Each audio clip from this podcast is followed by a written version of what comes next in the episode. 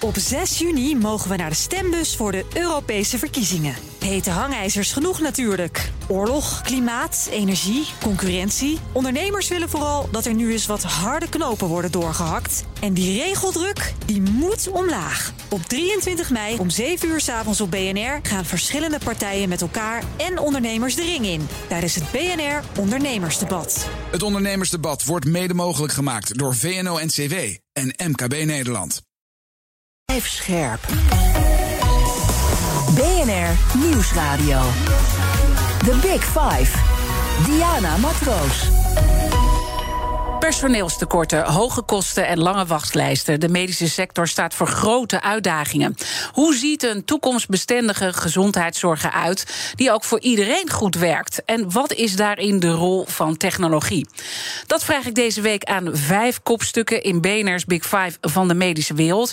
Vandaag is dat Armand Gerbes. Hij is hoofd van de IC-afdeling van het VU Medisch Centrum en hoogleraar intensive care geneeskunde. Welkom, fijn dat je er bent. Goedemorgen. Um, voordat ik het met je ga hebben over wat de belangrijke game changers in de medische wereld gaan worden. Want uiteindelijk moeten we ook gaan praten over oplossingen. Natuurlijk wil ik eerst twee dingen van je weten. Allereerst, we zijn twee jaar lang totaal gefocust geweest op corona. En nu praten we eigenlijk alleen nog maar over de oorlog. En lijkt corona weg. Is dat verstandig? Nou, ik heb ook in de ten tijde van de coronacrisis geprobeerd om over de andere problemen te spreken en over de niet-corona-patiënten. Ik denk dus dat het helemaal focussen en een tunnelvisie naar één ding ontwikkelt, dat dat juist helemaal geen goed idee is. Dus blijf alsjeblieft heel erg breed kijken, zoals dat in mijn vak ook is. Wat een goed punt zit onder. Want dat betekent dus dat we heel veel dingen over het hoofd hebben gezien in de afgelopen twee jaar. door die totale focus op corona. Zeker. Ik herinner me nog heel goed in het begin van die crisis in maart 2020. Toen ging het alleen maar over corona. En toen maakte ik me enorm veel zorgen over wat dat zou betekenen voor de andere patiënten. En ik zeg zelf ook altijd in het ziekenhuis: van kijk, iedere patiënt is mij even dierbaar. En het is natuurlijk een beetje raar om iets te richten, je hele beleid alleen maar te richten op één categorie patiënten. Dus ik heb vanaf maart 2020 helemaal in het begin gezegd: jongens, we moeten veel beter letten op hoe we de zorg die nu te krap is, wat betreft onze capaciteit, hoe we dat verdelen over alle patiënten. Heel goed om dat uh, in het oog te houden. En we komen straks nog wel even erop of we nou nog heel veel problemen moeten gaan verwachten als gevolg uh, van corona. Maar het tweede wat ik van je wil weten: je slaat al heel lang alarm dat het niet goed gaat in de medische wereld, dat het vastloopt. Dat deed je al voor corona. Zijn mensen uit jouw wereld daar blij mee? Nou, ik, ik, weet niet zo goed of mensen er blij mee zijn. Uh, ik, sommige mensen zullen me ongetwijfeld heel erg lastig vinden, omdat ik ook dingen ter discussie stel. wat over voor hun persoonlijk existentieel kan uh, zijn. Dus als ik wat zeg over de regelgeving en over allerlei auditprogramma's, dan weet ik dat er mensen die, ja, dat is hun vak, die leven daarvan. En als ik dan zeg van ja, dat vind ik niet zo heel erg nuttig, uh, zoals dat nu gebeurt. Ehm, ja, dan vinden veel mensen vinden dat niet zo leuk. En ik maar hoe ook... merk je dat? Want wat je zei, ze zullen er niet blij mee zijn... maar langzaam zie ik in je antwoord al ontstaan... dat je echt al weet dat ze niet blij met je zijn. Wat merk je dan? Nou, ik, ik, ik, merk dat niet van dat ik bedreigbrief of zoiets van die mensen nee. uh, krijg. Maar ik, maar ik merk wel dat men ja, liever hoort van dat er alleen maar uitdagingen zijn en alleen maar oplossingen zijn. En ik mag ook wel graag af en toe zeggen dat er gewoon problemen zijn die we moeten oplossen. En ik denk nog steeds heel erg in termen van laten we nou eerst eens even een hele goede diagnose stellen. Laten we ook al nog ons even goed realiseren waar het ook alweer allemaal om gaat. Het gaat eigenlijk allemaal om de patiënt. En dat die patiënten, we willen allemaal een beetje gelukkig zijn tussen ja. geboorte en overlijden. En laten we ons daar nou even op richten en niet te veel uh, afleiden. Nee, maar nu, nu praat je een beetje met de handrem erop, voor mijn gevoel. Want um, uh, jij slaat al heel lang alarm. En volgens mij uh, is verzet, wat jij dus toont, echt niet makkelijk. Nee, dat is ook niet makkelijk. Eh, zeg maar, ik probeer dat vanuit de inhoud te blijven doen. En me niet te laten remmen door als mensen zeggen van nou, dat vind ik niet leuk of zo. Of het is veel makkelijker om daarmee in te gaan. Ik, hoor, ik ga al heel lang zeg ik wat over de bureaucratie. En dan zeg ik tegen mensen van, nou, daar moeten we tegen ingaan. Ja. er zijn mensen die tegen mij zeggen van... nou, maar allemaal, het is veel makkelijker om maar gewoon even mee te doen. En die mensen zijn een beetje murf geslagen. En die denken van, nou, laat ik maar meebewegen. Dat geeft minder uh, problemen. En ja, ik zit zo niet in elkaar. Ik vind het niet erg om gewoon maar uh, daarmee door te gaan. Als ik denk dat dat een punt heeft. En ook van anderen hoor. Want er zijn heel veel mensen zijn het wel met mij eens. Ja, en dat is dan eigenlijk in, in stilte. Hè? En dat, dat merkte ik ook door alle gesprekken heen. Je hebt lef nodig om dingen ook te veranderen in de medische wereld. Want het zit gewoon muur en muur vast. We weten allemaal dat de dingen anders moeten. Maar de, de belangen zijn gewoon giga groot. Nou, ik denk dat dat een heel goed punt is. Er is een hele grote tendens om heel erg behoudend te zijn in de, in de zorg. Om niet te snel te willen veranderen. Dus mijn, mijn, mijn, promotor, professor Lee, had ook zijn afscheidsreden over uh, hoe kan je nou veranderingen brengen in het denken van dokters. Hè? Dus als dokters eenmaal denken van nou dit is goed. En het is heel duidelijk dat dat niet goed is en je moet wat anders doen. Dan duurt het toch nog heel erg lang voordat je dat ook daadwerkelijk tot de gewone praktijk maakt. Dat het anders gaat. Laten we een paar problemen bij de kop pakken en dan ook kijken waar de oplossingen liggen. En misschien is voor het eerste probleem gewoon dicht bij huis. De IC, waar jij de baas over bent, en uh, van, van het VU Medisch Centrum. En daar ook de kettingvraag uh, bij te pakken. Want mijn gasten stellen elkaar vragen. Gisteren sprak ik met ondernemer en cardioloog Igor Tuleski. En hij had deze vraag voor jou voor corona uh, hoorde ik vaak dat uh, wachtlijsten voor cardiochirurgie bijvoorbeeld uh, worden juist gestuurd door um, tekort aan IC-capaciteit. Dus IC leek, een bottleneck te zijn ook voor de coronacrisis. En tijdens de coronacrisis was helemaal geëxplodeerd. En natuurlijk zijn daar hele goede redenen voor. Maar wat mij eigenlijk boeit is dat ik wel zie dat in landen waar IC-klinieken for-profit of non-profit zijn. In beide gevallen zijn er landen die meer dan genoeg capaciteit hebben uh, om de IC-vraag uh, te beantwoorden. Dus mijn vraag aan Herman is: hoe zorgen wij in Nederland dat wij genoeg betaalbare IC capaciteit krijgen. En dat is dus niet vraag van is het for profit of non-profit, er is iets anders. Nou, het is goed, denk ik, om te erkennen is dat het een heel complex probleem is, waar dus ook niet gewoon een hele eenvoudige oplossing voor is. Daarnaast, ik ken de situatie in Europa uh, vrij goed. Ik ben heel erg actief altijd geweest in de Europese vereniging. En het probleem wat wij in Nederland hebben, dat is echt vrij breed. Dus er zijn veel Europese landen waar de problemen wat betreft tekorten aan capaciteit op de intensive care uh, aanwezig zijn. Daarnaast is het zo dat er heel veel verschil is in Europa over wat nou de definitie is van een intensive care bed, mm -hmm. zoals dat genoemd wordt. Hè. Hoeveel verpleegkundigen zijn erbij? Hoeveel dokters heb je daarvoor? En je zag dat bijvoorbeeld terug in die enorme verschillen in getallen tussen Duitsland en Nederland. Hè. Dus in Nederland hadden we zeven bedden per 100.000 en in Duitsland wel 30. Maar wat ze in Duitsland een intensive care bed noemen, is echt heel anders dan dat hier in Nederland is. En ik denk waar uh, Igor op uh, doelt, is met name wat betreft de cardiochirurgie. Hè. En er zijn heel veel mogelijkheden om uh, de patiënten die aan het hart geopereerd zijn, dat zijn vaak dermate routinematige ingrepen in de meerderheid. Hè, zonder dat ik daarmee zeg dat het ja. eenvoudig is of risicoloos. Maar dat is wel heel erg routinematig. Uh, dat je dat ook op zeg maar wat we dan ook vaak noemen een peri-anesthetic care unit, niet op een intensive care zelf kan doen. Want die patiënten die zijn in het begin wel intensive care patiënten. Ja. Maar na een aantal uren zijn ze inmiddels zo stabiel dat het niet meer echt intensive care patiënten zijn. En bij ons zijn die definities dus anders in Nederland, waardoor er mensen op de intensive care komen die daar eigenlijk misschien niet zouden hoeven te zijn? Nou, dat is dan weer heel snel zo'n conclusie die inderdaad wel getrokken wordt. Hè? Maar je moet je ook wat heel veel vergeten wordt in alle discussies die ik hoor, dat is de menselijke maat. En als ik nou eens even kijk naar de verpleegkundigen die werken op een IC, die hebben te maken met patiënten die bijvoorbeeld heel lang op een intensive care liggen, heel lang, heel ziek zijn, niet goed kunnen eh, communiceren, met familie die daar heel erg bij betrokken zijn. En dan is het best fijn dat je ook een patiënt hebt die even heel kort bij je komt, heel ziek is, dan echt jouw top kunnen uh, nodig heeft. En die dan ook heel erg snel beter wordt. En die de volgende dag alweer zwaaiend en lachend en dankzeggend uh, van de afdeling af kan. Wat een en al dankbaarheid uh, is. -hmm. Dat is wat ik noem de menselijke factor. Maar dat En- is de menselijke factor naar de, de- verpleegkundige eigenlijk toe. En, en ook wel voor de dokters. Kijk, van mij wordt verwacht dat ik eh, de hele moeilijke dingen doe, de hele moeilijke patiënten eh, behandel. Maar ik vind het ook ontzettend leuk om er ook tussendoor te hebben dat de patiënten dat het wat eenvoudiger is en dat ik daar wat, ja, wat meer routinematig mee kan eh, handelen. The Big Five. Diana Matroos. Mijn gast is Armand Geerbes. Hij is hoofd van de IC-afdeling van het VU Medisch Centrum... en hoogleraar Intensive Care Geneeskunde.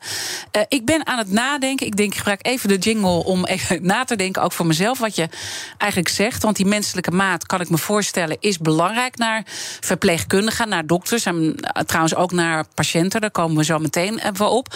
Maar als je dan eigenlijk zegt dat je die mensen nodig hebt... eh, om op de intensive care toch ook een beetje... ja, de positiviteit erin te houden, de menselijke maat. eh, maar daardoor liep het wel vast. En daardoor. hè, want daardoor kwamen er toch mensen op de IC die daar misschien niet zouden moeten liggen in andere landen. Dus hoe die definitie maakt. Dus moeten we dat niet toch anders doen dan? Nou, het, het geeft wel aan dat er ruimte is om zaken te organiseren. En dat is ook de reden geweest dat we in Nederland in staat zijn geweest om zoveel COVID-patiënten tegelijkertijd op te vangen in het begin. Dus er zat wel door het totaal anders te gaan organiseren voor enige tijd, hebben we laten zien dat daar reserve is.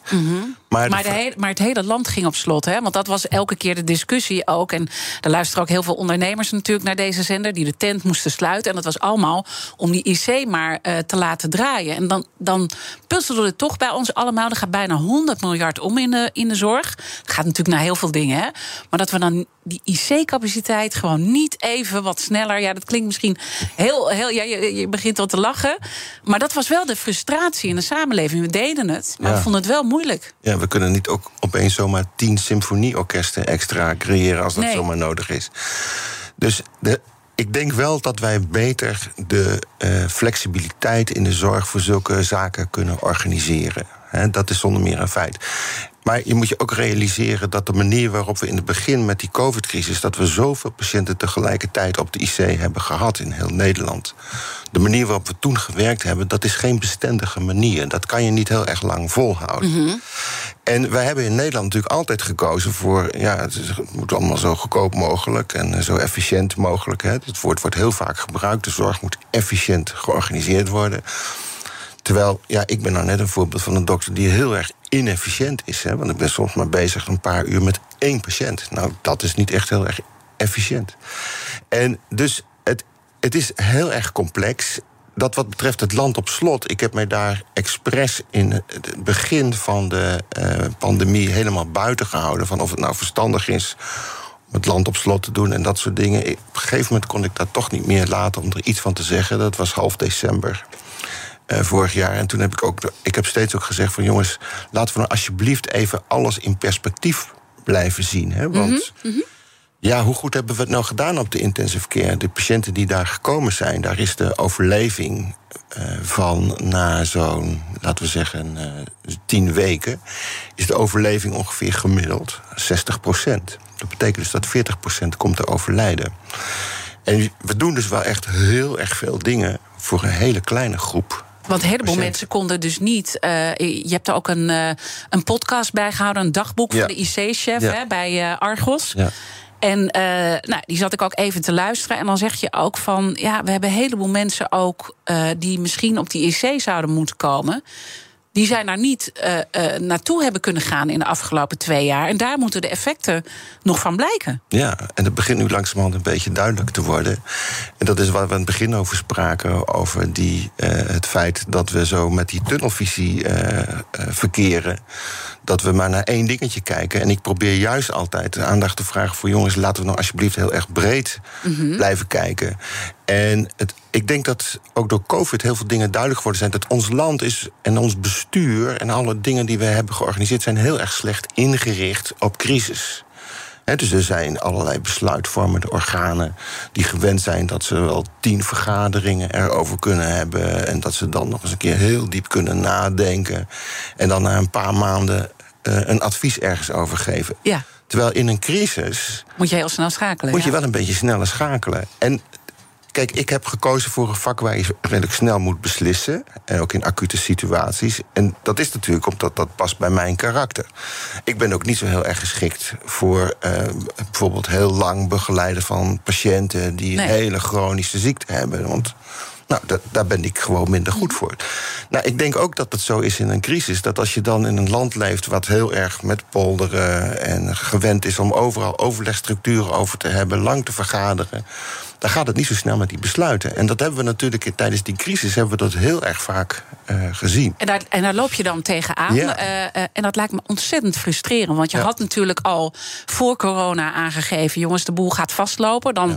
loopt het dus uiteindelijk vast. Dan heb je mensen die daar toch te lang over gaan nadenken. Misschien ook politiek gezien het heel moeilijk vinden... om uit te spreken dat we bepaalde mensen gaan weren. Want dat is ook het lef wat je moet aandurven. Hè? het is niet moet... alleen een crisissituatie. Het is ook lef om moeilijk ja, kijk, het maken van keuzes, dat doet natuurlijk altijd ergens pijn. Ja. En dat betekent dus dat je het heel goed moet kunnen uitleggen wat je doet, maar wel erkennen dat het altijd ergens pijn doet. En waar we heel erg toe negen, uh, neigden uh, in, bij, bij de COVID, is dat we maar de helft van het verhaal vertelden. En de helft van het verhaal was: jongens, we moeten alles doen voor die COVID-patiënten. Alles doen. Het tweede gedeelte van het zinnetje had moeten zijn: en we gaan niet meer alles doen voor de andere patiënten. Dat was het eerlijke verhaal geweest. Dat was, ja. maar niemand wilde dat tweede zinnetje zeggen. En nou, niet om nou heel erg hard op mijn borst of zo te kloppen... maar ik heb dat vanaf het begin af aan geroepen. Maar er waren ook veel mensen die van... nee, het is nu veel te vroeg om deze boodschap uh, te maar wat, brengen. Wat, wat, wat, wat, wat is dat? Dat we dat dus toch dan niet doen, terwijl dat de waarheid is. En, en eigenlijk het, het ernstige is... Uh, Ernst Kuipers sprak ik hier voor dit programma... Uh, ongeveer twee maanden voordat hij minister werd. En die zei uiteindelijk gaan er meer doden vallen... Ja nou, ik moet even goed zeggen, we hebben eigenlijk minder mensen gered die naar de IC en al dat soort dingen, omdat we op dat COVID hebben gefocust, gaan er uiteindelijk meer mensen dood door uitgestelde zorg. Ja, ik, ik probeer daarvoor een woord te pushen, dat is braafpraterij.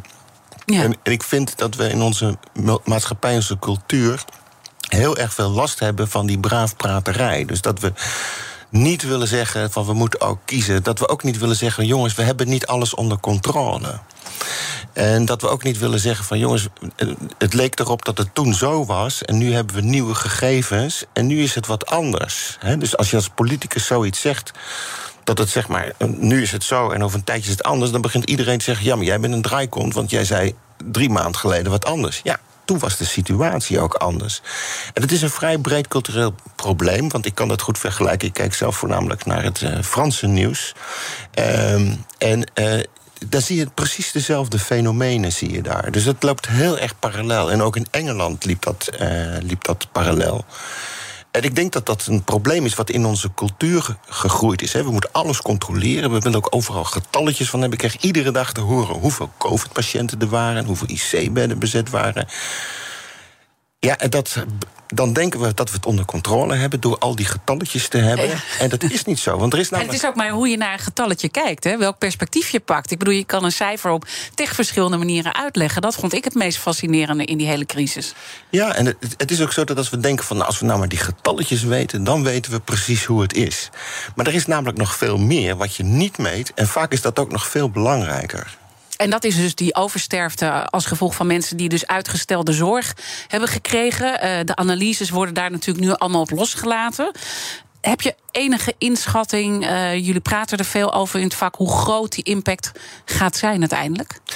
Nou, ik heb vanaf het begin gezegd dat het heel erg moeilijk te meten zal zijn, omdat er heel veel uh, onder de radar gebeurt en wat je niet ziet. Hè? Dus ik herinner me een gesprek dat ik zei tegen mensen van ja, stonden mensen stonden op de wachtlijst en die staan nou niet meer op de wachtlijst. En toen zeiden ze van, nou, nou dat scheelt dan weer. Ik zeg, ja, maar dat komt omdat die patiënt is overleden. Ja. En dat leed, dat is echt uh, enorm. En uh, ja, ik vind het een, een tekortschieting dat we daar niet Kijk, in die eerste twee, drie, vier weken kan ik me voorstellen dat, iedereen dat, ja. dat je er bovenop sprong. Maar het heeft me buitengewoon geërgerd dat het in die hele periode daarna zo moeilijk was om het brede plaatje te zien. We gaan zo meteen in het tweede deel van ons gesprek ook praten over oplossingen. Want dat zat natuurlijk ook in die kettingvraag van Igor uh, verborgen hoe we dat anders moeten doen. Heb je deels antwoord op gegeven? Ik denk één probleem wat we misschien nog uh, onderschat hebben, dat probeerde ik, uh, dat hoorde ik terug in jouw dagboek, waar ik net al even aan refereerde, is dat een heleboel artsen gewoon niet de goede training hebben gehad in de afgelopen twee jaar. Ja co-assistenten bijvoorbeeld. Mensen die operaties moeten doen omdat die één niet in het ziekenhuis mochten komen. En uh, uh, uh, twee, omdat alles maar COVID gerelateerd was. Dus dat is ook nog zo'n schadepost die duidelijk moet worden. We hebben een heleboel schade in te halen. Ja, en je bent er een beetje stil van.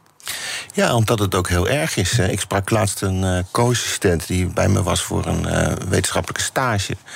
Die heeft meer dan twee jaar moeten wachten thuis uh, op zijn uh, klinische stages, op de voortgang van zijn studie. Ik zie collega's die gewoon een heel gedeelte van hun opleiding niet, niet uh, hebben kunnen doen. Er wordt, het, is wel, het goede nieuws is dat er ook weer gewerkt wordt aan, aan oplossingen. Hè, dus ook door op een andere manier op te leiden, door bijvoorbeeld door simulaties te gebruiken. Mm -hmm. hele goede initiatieven van bijvoorbeeld ja, Bonjer daarover. Um, maar we hebben een heleboel schade. En daarom heb ik ook al een hele tijd geleden gepleit voor jongens. We, zien, we weten nu al dat dit eraan gaat komen. Ik denk meer dan een jaar geleden heb ik daarvoor gepleit. We weten dat er een periode gaat komen dat er minder COVID is. Laten we nou alsjeblieft een heel groot plan maken voor wat we dan gaan doen. Ja, laten we dan zo meteen over dat hele grote plan uh, praten. Is er niet. Het is er niet, maar je, hebt, je, hebt, je bent wel een visionair binnen de medische wereld. Dus je hebt vast een idee hoe dat plan uh, eruit moet gaan zien. Uh, ik praat zo meteen verder met Armand Gerbes. Hij is de IC-baas van het VU Medisch Centrum en hoogleraar intensive care geneeskunde. Moeten we misschien van de marktwerking af, uh, van de bureaucratie af? En wat zijn ook de goede dingen die er in coronatijd zijn gebeurd? Want die zijn er ook. Blijf luisteren. Op 6 juni mogen we naar de stembus voor de Europese verkiezingen. Hete hangijzers genoeg natuurlijk. Oorlog, klimaat, energie, concurrentie. Ondernemers willen vooral dat er nu eens wat harde knopen worden doorgehakt. En die regeldruk, die moet omlaag. Op 23 mei om 7 uur s avonds op BNR gaan verschillende partijen met elkaar en ondernemers de ring in. Tijdens het BNR Ondernemersdebat. Het Ondernemersdebat wordt mede mogelijk gemaakt door VNO-NCW en MKB Nederland. Blijf scherp. BNR Nieuwsradio. The Big Five. Diana Matroos. Welkom bij tweede halfuur. Deze week praat ik met vijf kopstukken uit de medische wereld. Eerder deze week sprak ik met de topman van Philips, Frans van Houten. En ik sprak ook met cardioloog en VN-vrouwenambassadeur Angela Maas. Beide gesprekken zijn terug te luisteren via onze BNR-app. Mijn gast vandaag is Armand Gerbes. Hij is hoofd van de IC-afdeling van het VU Medisch Centrum... en ook hoogleraar intensive care geneeskunde. Komend uh, half uur wil ik in ieder geval nog twee onderwerpen met je bespreken, Armand. Namelijk de toekomst van de medische wereld. En zorgverzekeraars en marktwerking. En laten we met dat laatste beginnen. En misschien ook wel een positieve noot daarbij uh, pakken. Want uh, net heb je een aantal heel duidelijke problemen geschetst. waar in de coronacrisis tegenaan werd gelopen. Dat was eigenlijk ook al voor corona een probleem. Want je luidt al heel lang uh, de noodklok. Maar er gingen eigenlijk ook wel dingen goed in één keer in die coronatijd. Een hoop dingen die konden uiteindelijk wel, die eerder niet kunnen als het om bureaucratie gaat. Ja, ik herinner me nog heel goed die beginperiode. Dat we toen ook besloten om gewoon een aantal zaken die uh, bureaucratische lasten gaven. ook voor de verpleegkundigen, om dat gewoon af te schaffen. Dus we hebben toen een hele lijst van dingen, waaronder bijvoorbeeld een pijnscore. Dus moet, de verpleegkundige moet iedere dienst moet één keer genoteerd worden of de patiënt pijn heeft. En dan moet genoteerd worden of de patiënt een aanwijzing heeft voor een eh, delier. En dat is dat hij wat in de war is. Dus moet ze een vraag stellen van... denkt u dat een steen op water kan drijven? Nou, en dan kan vaak de patiënt niet antwoorden, maar goed. Dan moeten ze die lijstje invullen. En dat kost natuurlijk allemaal tijd, hè, want dat is niet dan moeten ze naar de computer toe, et cetera. En dat soort dingen hebben we allemaal afgeschaft. Want ik wil ook zelf helemaal niet dat de verpleegkundige één keer per uur... of één keer per dienst vraagt, één keer per acht uur vraagt... of de patiënt pijn heeft. De verpleegkundigen die kijken natuurlijk de hele tijd of de patiënt pijn is. Alleen dat noteren ze niet. Dus we konden vrij makkelijk dat soort dingen konden we toen en, en afschaffen. Scheelt dat dan heel veel tijd als die uh, verpleegkundige dan de hele dag de pijnscore moet bijhouden. En dan Ja, ik wil ook helemaal niet dat ze die pijnscore bijhouden. Dat is hun, gewoon, hun, eh, dat is gewoon hun vak. Ja. En net zoals als, als jij, jij interviewt, je hoeft niet bij ieder woordje dat je nu uitgesproken heeft... ergens een vinkje te zetten van dat er iets, eh, ge- een, iets gevraagd is. Dus, Mooi, je- mooie, mooie, ja, mooie vergelijking. Ja, dat zou echt van de zotte zijn als dat zou moeten. Ja. En, en dus als je dus allerlei vinkjes moet zetten voor dingen wat gewoon jouw vak is. En je moet mensen. En maar zeggen, ja, nee, maar als het niet genoteerd is, dan is het niet gedaan. Dan kunnen we dat niet controleren. Nou, dat is waar ik eerder over sprak. Van, we moeten echt een beetje af van dat we alles maar willen controleren. En we zullen toch die professional, die moeten we ook vertrouwen geven. Want dat, dat, ligt er eigenlijk. Kijk, ik vind, eh, je maakt nu vergelijk met mijn vak, maar bij mij gaat er niemand dood. eh, op momenten hè, dat, dat ik eh, dingen niet goed heb gedaan hier.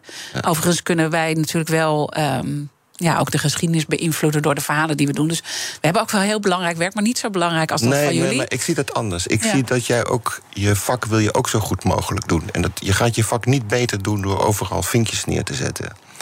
En dat is het principe. Want kijk, wij, natuurlijk doen wij een belangrijk vak, maar dat geldt voor heel veel vakken. Geldt dat. En wij willen ons vak gewoon zo goed mogelijk doen.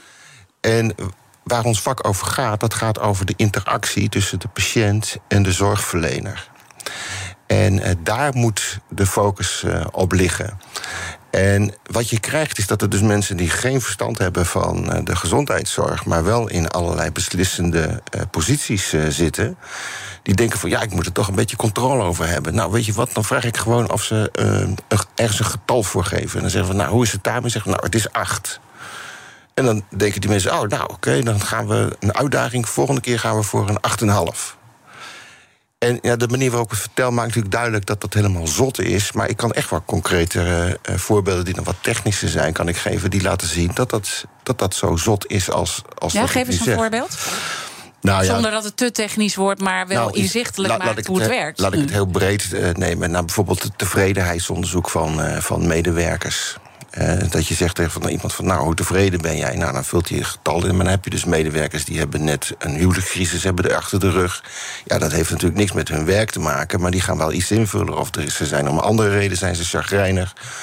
Of eh, ze zijn boos omdat ze geen salarisverhoging hebben gehad. Er zijn allerlei interfererende factoren die maken dat je aan die meting helemaal niks hebt. En die meting eh, eh, kan ook heel diffuus zijn als het gaat om de patiënt. Hè? Want kijk, als het over jou gaat, ben je wel of niet tevreden. Kan ik me voorstellen dat, dat een hele scheiding een rol speelt. Maar niet hoe je een patiënt beoordeelt. Nee, maar er zijn heel veel dingen bij die belangrijk zijn bij de patiëntenzorg die, je niet, die je niet meet. Ehm, en dat gaat over compassie, dat gaat over hoe je nou betrokken bent bij die patiënt. Kijk, er is geen. eh, want als we praten over alles meten, dat is natuurlijk ook in verband met vergoeden en zo. Maar Ja, als, een verpleeg- als, een, als ja. een verpleegkundige, als die naast een patiënt gaat zitten die heel erg verdrietig is omdat hij net heel erg slecht nieuws heeft gehoord. En die houdt alleen de hand vast van die patiënt. Dan kost dat natuurlijk heel erg veel tijd en dat is inefficiënt. Maar ik vind het wel heel erg belangrijk, eerlijk gezegd. En die patiënten ook. En degene die dat doet, hè, vanuit het hart, vanuit het professioneel ook. Het is ook professioneel om dat zo te doen.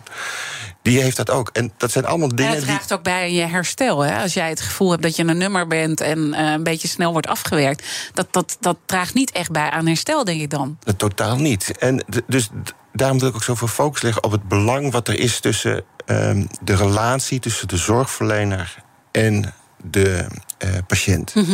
En ik hoor veel te veel hoor ik ook dat mensen zeggen van nou weet je wat, dan als je dat, dat hebt, dan ga je naar dat ziekenhuis. En als je dat hebt, ga je naar dat ziekenhuis. En dan neem je die.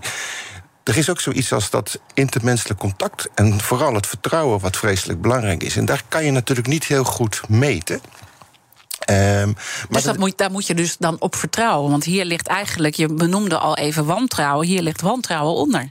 Ja, dat ligt, en heel veel dingen. Je gaat allerlei dingen meten, omdat je de controle over wilt. En ook omdat je denkt dat je alles kunt meten. En omdat je denkt dat ook alles volgens bepaalde vastgestelde patronen kan eh, gaan. En dat is niet zo. Kijk, de Amerikanen die zijn daar het grote voorbeeld van. Die denken dat je alles kan beschrijven. En dat alles zo gaat dan. En als het Ja. alles iets fout gaat. Dan is er ook iemand altijd schuldig is daaraan. En dan kan je ook altijd kan je allerlei dingen weer bedenken waardoor het beter kan. Dus als het dan. Terwijl... Merk jij dat ook, die, die Amerikaanse inslag op de. Uh, uh, je begint nu te lachen. Ja, wat een van mijn favoriete boekjes, dat heet uh, Stop de Amerikanen. en het gaat wat dieper filosofisch ook over het consequentialisme en het non-consequentialisme. Ehm, waarbij je denkt van. Dat, als je denkt van nou, aan alles wat ik doe, daar moet een bepaald gevolg van zitten. Terwijl als je denkt van eh, meer Europees, dan denk je van ja, sommige dingen zijn ook door toeval zijn die, uh, zijn die zo. En, uh, en ik ben daarmee, ik ben van de Europese school, eerlijk gezegd. En uh, dat betekent ook dat er heel veel dingen zijn die belangrijk zijn, die je niet goed kan meten. Mm -hmm. En er wordt nu veel te veel aandacht besteed aan alles maar willen meten. Ik heb ooit een keer op verzoek van de Nederlandse Federatie van Universitaire Ziekenhuizen een uh, rapportje geschreven. En dan zei ze, want ze wisten dat ik heel veel mopperde over al die, uh, die, die registratielast. Ja. En toen heb ik een rapport geschreven. Ik zei, nou laten we gewoon alles afschaffen... wat in de afgelopen tijd niet geleid heeft tot aantoonbaar betere patiëntenzorg. Wat ik op zichzelf best een redelijke... En wat gebeurde er toen? Niets. Niets? Nee. Nee, want dan kom je toch ook bij de marktwerking... en hoe we dit allemaal ooit hebben bedacht. Hè. Er zit een bepaalde architectuur uh, achter. Er zijn ook mensen die dat allemaal controleren. Um, ja. Dat zijn van die commissies ook, begreep ik, die over de ziekenhuisvloer lopen om een en ander te checken of jullie dat allemaal wel doen? Nou, op zichzelf is controle hartstikke goed. Hè? Want mm -hmm. ook zorgverleners zijn mensen. En die moeten ook gewoon gecontroleerd worden Zeker. en verantwoording afleggen. We hebben voor het niet wat voor niets doen. ooit bedacht. Want ze, krijgen er allemaal, ze worden allemaal voor betaald en die gezondheidszorg is hartstikke duur. Het levert ook ontzettend veel op in termen van geluk hè, voor, uh, voor mensen. Maar natuurlijk moet die gecontroleerd worden. Maar ik wil zelf wel heel erg graag gecontroleerd worden door iemand die ook verstand van zaken heeft. En wie controleer, door wie worden jullie nu gecontroleerd dan? We worden natuurlijk gecontroleerd. Nou ja, er, zijn, uh, er is een systeem voor van controle. Kijk, het belangrijkste controle die er wat mij betreft is... dat is op de werkvloer dat je elkaar aanspreekt. Ja. Ik vind zelf het. Maar, alle... maar, maar, vind je nou, want, want je geeft eigenlijk geen antwoord op mijn vraag... is dit nu lastig om te zeggen door wie je wordt gecontroleerd... en hoe dat gaat en uh, dat het je irriteert? Nou, ik, ik, ik, het moet je eens precies weten waar dan op welk punt je die controle bedoelt. Hè? Want als het gaat over van heb ik uh, bij een patiënt de status goed uh, ingevuld of zoiets. Hè? Daar, daar is onderlinge controle de belangrijkste mm -hmm. factor voor. Hè? Want dat is ook belangrijk voor de, voor de overdracht van de patiënt, hè, van de ene zorgverlener naar de andere zorgverlener. Maar er is ook heel veel controle in termen van dat je allerlei lijstjes moet invullen van is dit gebeurd, is dat gebeurd. En ja, dat noem ik dan wel eens breed het management. Hè. En nogmaals, ik begrijp heel goed dat er dingen geregistreerd moeten worden. Maar soms denk ik ook van, ja jongens, dit is wel een beetje overdreven. En dit kost me weer ontzettend veel tijd om dit allemaal ja. in te vullen. Ik kwam prachtige voorbeelden tegen. Dat bijvoorbeeld als een uh, chirurg de operatiekamer even uitloopt... om even naar de wc te gaan... dat hij daarna weer een hele checklist ja. moet maken... Je lacht erom, maar je vindt het niet leuk natuurlijk. Nee, dat, dat het, het zo gaat. Het omdat. Nou, ik, ik, hou wel veel praatjes hierover. En dan weet ik zeker dat ik altijd de lachers op mijn hand uh, krijg. Um, maar er zijn natuurlijk een aantal van die regels zijn helemaal doorgeslagen. En kijk, het, het zit hem altijd in de dosis. Hè? Want al van al die regels, daar zit altijd wel een kern van, van goede intentie. En ook wel goede uitwerking zit daaraan vast. Alleen het slaat vaak door. Dus dit voorbeeld dat gaat over dat als bij het begin van een operatie... dan moeten de anesthesioloog, de patiënt en de chirurg... die staan bij de patiënt en dan zeggen ze van... nou, we moeten opereren aan de linkerlies. Ja, klopt dat? Is dit meneer die en die? Kunt u zelf nog even zeggen wie bent? U bent dan dan geboren. Nou, en dan wordt dat vastgesteld en dan kan de patiënt onder narcose worden gebracht... en dan kan de chirurg vervolgens beginnen met de operatie. Stel nou dat de chirurg denkt van... nou, ik, heb, ik moet even, even snel wat doen... nog even het vorige operatieverslag even maken... en die loopt elkaar loopt die af. En die komt vervolgens die elkaar weer naar binnen. Dan moet een deel van die check, die moet opnieuw. En dan vraag ik altijd de mensen van, nou, waarom is dat? En dan moet de anesthesioloog altijd heel erg lachen als ik zeg van, nou, dat komt omdat chirurgen slecht geheugen hebben of zoiets. Haha. Maar het is dus omdat het zou kunnen zijn dat de chirurg de verkeerde, operatiekamer uh, inloopt. En dan denk je, waar komt het vandaan? Nou, ik weet waar het vandaan komt. Het komt van de luchtvaart. Maar daar is het ook zo dat de, de piloten die komen samen in een vliegtuig. En dat is heel erg waarschijnlijk dat ze elkaar nog nooit eerder gezien hebben. En dat is in, in zo'n OK helemaal niet zo. Dat zijn Dat mag vaste teams Ja, hopen, ja. die met elkaar eh, werken. Op 6 juni mogen we naar de stembus voor de Europese verkiezingen. Hete hangijzers genoeg natuurlijk. Oorlog, klimaat, energie, concurrentie. Ondernemers willen vooral dat er nu eens wat harde knopen worden doorgehakt. En die regeldruk, die moet omlaag. Op 23 mei om 7 uur 's avonds op BNR gaan verschillende partijen met elkaar en ondernemers de ring in. Tijdens het BNR Ondernemersdebat. Het ondernemersdebat wordt mede mogelijk gemaakt door VNO-NCW en MKB Nederland. BNR Nieuwsradio. The Big Five. Diana Matroos. Je luistert naar BNR's Big Five van de medische wereld. Eerder deze week sprak ik onder andere met Frans van Houten, de CEO van Philips, over innovaties in de zorg. En ik sprak ook met Jet Bussemakers, is voorzitter van de Raad voor Volksgezondheid en Samenleving. Dat gesprek ging over het oplossen van de ongelijkheid binnen de zorg en ook over preventie. Luister het allemaal terug via bnr.nl. Mijn gast vandaag is Armand Gerbes. Hij is hoofd van de IC-afdeling van het VU Medisch Centrum en hoogleraar intensive care geneeskunde. Je hebt heel veel problemen geschetst, eigenlijk, eh, waar het fout gaat. De bureaucratie, de managers die overal rondlopen. En je bent niet tegen alle managers, maar het zijn er misschien een beetje te veel. Ja. En er is misschien een beetje te veel eh, controle. Als we het nu hebben over oplossingen richting de toekomst, want daar ging deze week natuurlijk ook over. Wat, waar, waar ligt die oplossing dan? Nou, de oplossing begint altijd met het vaststellen van het probleem. En het stellen van een eh, diagnose. En die gaat wel vrij breed, want die heeft dus te maken met wat ik net noemde: dat de wantrouwen, de gedachte dat je alles kan controleren. Hè. Dat zagen we ook bij die COVID zo uitvergroot. We denken dat we alles kunnen regelen, alles onder controle hebben.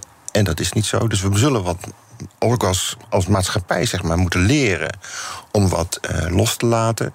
Nou, daar begint, dat is denk ik de basis van het probleem. Daarnaast moeten we erkennen dat iedereen zijn steentje heeft bijgedragen aan dit probleem. Het is veel te makkelijk om te zeggen van nou, dat komt van de managers of het komt van de zorgverzekeraars. Het komt bijvoorbeeld ook van de eh, medisch specialisten zelf. Eh, die eh, heel veel regeltjes eh, maken. En het komt ook van ziekenhuisdirecties die zeggen van ja, nee, maar wij willen ook allemaal een, een extra diploma op onze muur hebben hangen. ten teken van dat we zo vreselijk goed zijn. Ehm, pas als je dat allemaal op een rijtje hebt, dan kun je daar ook wat aan gaan doen. En dat zal niet even zo met een, met een, een magische magic bullet zo dat eventjes geregeld kunnen worden. Geregeld kunnen worden. Dat moet je echt. Eh, met z'n allen moet je ermee aan de werk. Maar ik denk wel dat het met de botte bijl zal moeten. En eh, Wouter Bos heeft daar ooit een hele leuke eh, column ook over geschreven. Voormalig eh, CEO natuurlijk van Ja. het ziekenhuis. Ja, toen heb ik vrij, veel, hebt. vrij veel contact met hem daarover gehad. En we waren het ook wel eens eens. En hier waren we het heel erg over eens dat wil je dit doen... Hè, en hij sprak toen vanuit zijn, zijn ervaring als minister van Financiën... wil je dat eh, gaan eh, doen, dan zul je dat met de botte bijl moeten doen. Hè. Wat, je, wat je nu merkt, is dat als je dingen wilt veranderen... Die, worden, die verandering wordt tegengehouden door de mensen die er baat bij hebben... dat het zo blijft. Ja, dit is eigenlijk ook wat Jet Bussemaker beschreef. Die geven gevraagd en ongevraagd advies aan kabinet en Tweede Kamer. Maar uiteindelijk wordt er naar heel veel dingen niet geluisterd. En dat heeft ook weer te maken dat. eh, en, en als er al iets verandert, dan wordt het weer ge- gefrustreerd in de praktijk. Dus het, het is zo moeilijk om dit. Ja. In, dat is eigenlijk mijn conclusie van deze week. We weten dat het niet zo langer kan. We weten dat er al bijna 100 miljard eh, rondgepompt wordt in de zorg. We weten dat het personeelstekort giga gaat toenemen nog. Het is nu al een probleem. Ja. En ik, ik heb toch ook de indruk dat het niet opgelost gaat worden, eerlijk gezegd. Nou, als er, als er niks gebeurt en het probleem niet erkend wordt, dan zal dat zeker zo zijn. Kijk, Nederland is vice wereldkampioen met eh overheadkosten. Ik had een artikeltje opgesnord. Was, Amerika was natuurlijk het allerslechtste wat betreft allerlei administratieve, bureaucratische zaken. Maar Nederland was op een hele mooie tweede plaats. En veel hoger ook dan andere Europese landen. Er is hier ook heel veel goed, hè? Dus met onze infrastructuur, eh, onze gebouwen, die zijn echt fantastisch als je dat vergelijkt met andere landen. Maar er moet echt wat aan gebeuren. En ik denk dat dat met, eh, inderdaad met Bottebel zal. eh, En, zal en waar moet die bottenbijl dan in? Moeten we stoppen met marktwerking? Of zijn het andere zaken die we echt opnieuw moeten construeren? Nou, het, het is altijd weer heel makkelijk om te zeggen van nou, dit moet gebeuren. Het is een, een veelheid aan zaken die moet gebeuren. Dus ik denk dat we eerst weer moeten beseffen dat waar het om. Kijk, iedereen heeft het steeds over de kosten van de zorg. En niemand heeft het tegenwoordig meer over de opbrengsten van de zorg. Hè. Dus wat, want iemand die we namelijk beter maken, die gaat na die tijd ook weer werken. En die gaat heel veel belasting betalen en zo. Dus we hebben ook een beetje te veel focus op die Ja, 100 miljard. Je moet Ja. wel naar de balans kijken. en, en het doel van de gezondheidszorg is natuurlijk toch gewoon dat mensen eh, tussen geboorte en overlijden zo gelukkig mogelijk en zo gezond mogelijk zijn. Dus dat moeten we niet vergeten en daar mogen we best wat voor over hebben. Maar ik denk wel dat we moeten ingrijpen in een aantal ja, eh, zaken die, denk ik, gewoon weggestreept zouden kunnen eh, worden. Zonder dat je daar eh, de kwaliteit van zorg nou Ja, dus dat is eigenlijk die bureaucratie. Eh, toch zou ik dan aan je willen vragen, want dat is toch ook dat de vraag van Igor Tulevski, hè, eerder deze uitzending. De IC-capaciteit was de bottleneck in, in, in de crisis. Hoe voorkomen we nou, want daar begon onze uitzending ook mee, ons gesprek, van we hebben het eigenlijk helemaal niet meer zo over corona. En eh, nou, op dit moment gaat het ook allemaal best goed. Maar ik zit dan te denken, ja, oktober Nou, het gaat komt... niet goed hoor. Het gaat nee, niet gaat goed. niet goed? Het gaat helemaal niet goed met eh, bijvoorbeeld de inhaalzorg. Hè. Daar is helemaal nog geen sprake van dat de zorg wordt ingehaald. We draaien wat betreft bijvoorbeeld de cardiochirurgie ongeveer op 80, 85 procent van de capaciteit van normaal. Nou, dan kan je ook gelijk begrijpen dat er nog geen sprake is van inhaalzorg. Er staan nog iets van 150.000 mensen op de wachtlijst voor operaties die veel groter is dan eh, daarvoor. Dus het gaat helemaal nog niet goed. Hè. Dus er wordt nu minder over gepraat Nee. omdat we het over andere dingen hebben. Maar Het gaat helemaal nog niet goed. En we weten ook het enorme personeelstekort wat Ja. op ons eh, afkomt. Eh, en we weten ook dat misschien, weet je, we hopen het niet, maar dat corona weer ergens de kop opsteekt. Dan hebben we weer hetzelfde. Zijn we gewoon niks opgeschoten. Dat is een beetje mijn gevoel. Twee jaar verder. ja. Ja. Ja, dat, dat gevoel En dan- dat en dan gaan jullie weer, ja. ja, ja. Nou, kijk, we, we moeten ook misschien realiseren dat de intensive care allemaal maar groter maken, dat dat ook niet de oplossing is. Hè? Want er gaan ook nog een heleboel mensen die dan naar de intensive care gaan, die gaan eh, dood. Hè? Die komen te overlijden. Dus we moeten die middelen die we hebben, die moeten we wel goed verdelen. Eh, zodat er zoveel mogelijk mensen zoveel mogelijk plezier hebben van onze gezondheidszorg. Ik denk zelf dat we wel ietsje meer capaciteit in Nederland mogen hebben. Zeker als ik dat vergelijk met Europese landen. En dat betekent dus opleiden. Ja. Dus het opleiden En nu van personeel- beginnen. Ja, nou ja, al lang, hadden al lang bezig moeten zijn. maar- Nee, ik heb gisteren toevallig met eh, acht nieuwe eh, IC-verpleegkundigen in opleiding gebruncht. Ik ga altijd met een nieuwe Mm. mensen die bij ons komen, ga ik eh, brunchen. En ik heb weer heel goed naar hun verhalen ook geluisterd waarom ze nu dit vak kiezen. Dat is net meestal omdat het gewoon een heel erg mooi vak is. En Ja. ik denk dat we dat ook veel meer moeten duidelijk maken dat dat goed is. Maar er moet ook wel iets gebeuren, en met name ook aan de positie van de, van de verpleegkundigen. Die zullen. Er worden nu allerlei beslissingen genomen in de gezondheidszorg. Ook beslissingen genomen door directies van ziekenhuizen. Zonder dat de verpleegkundigen, die toch, hebben we nu allemaal heel goed kunnen zien, de drijvende kracht zijn in de ziekenhuiszorg. Ja, want al die managers die zaten thuis eh, hun Die- bureaus door in te stellen. Terwijl. Ja, ja, nee, dat is ja, wel wat ik zeg. Dat, dat moet ik niet zeggen zo op deze manier.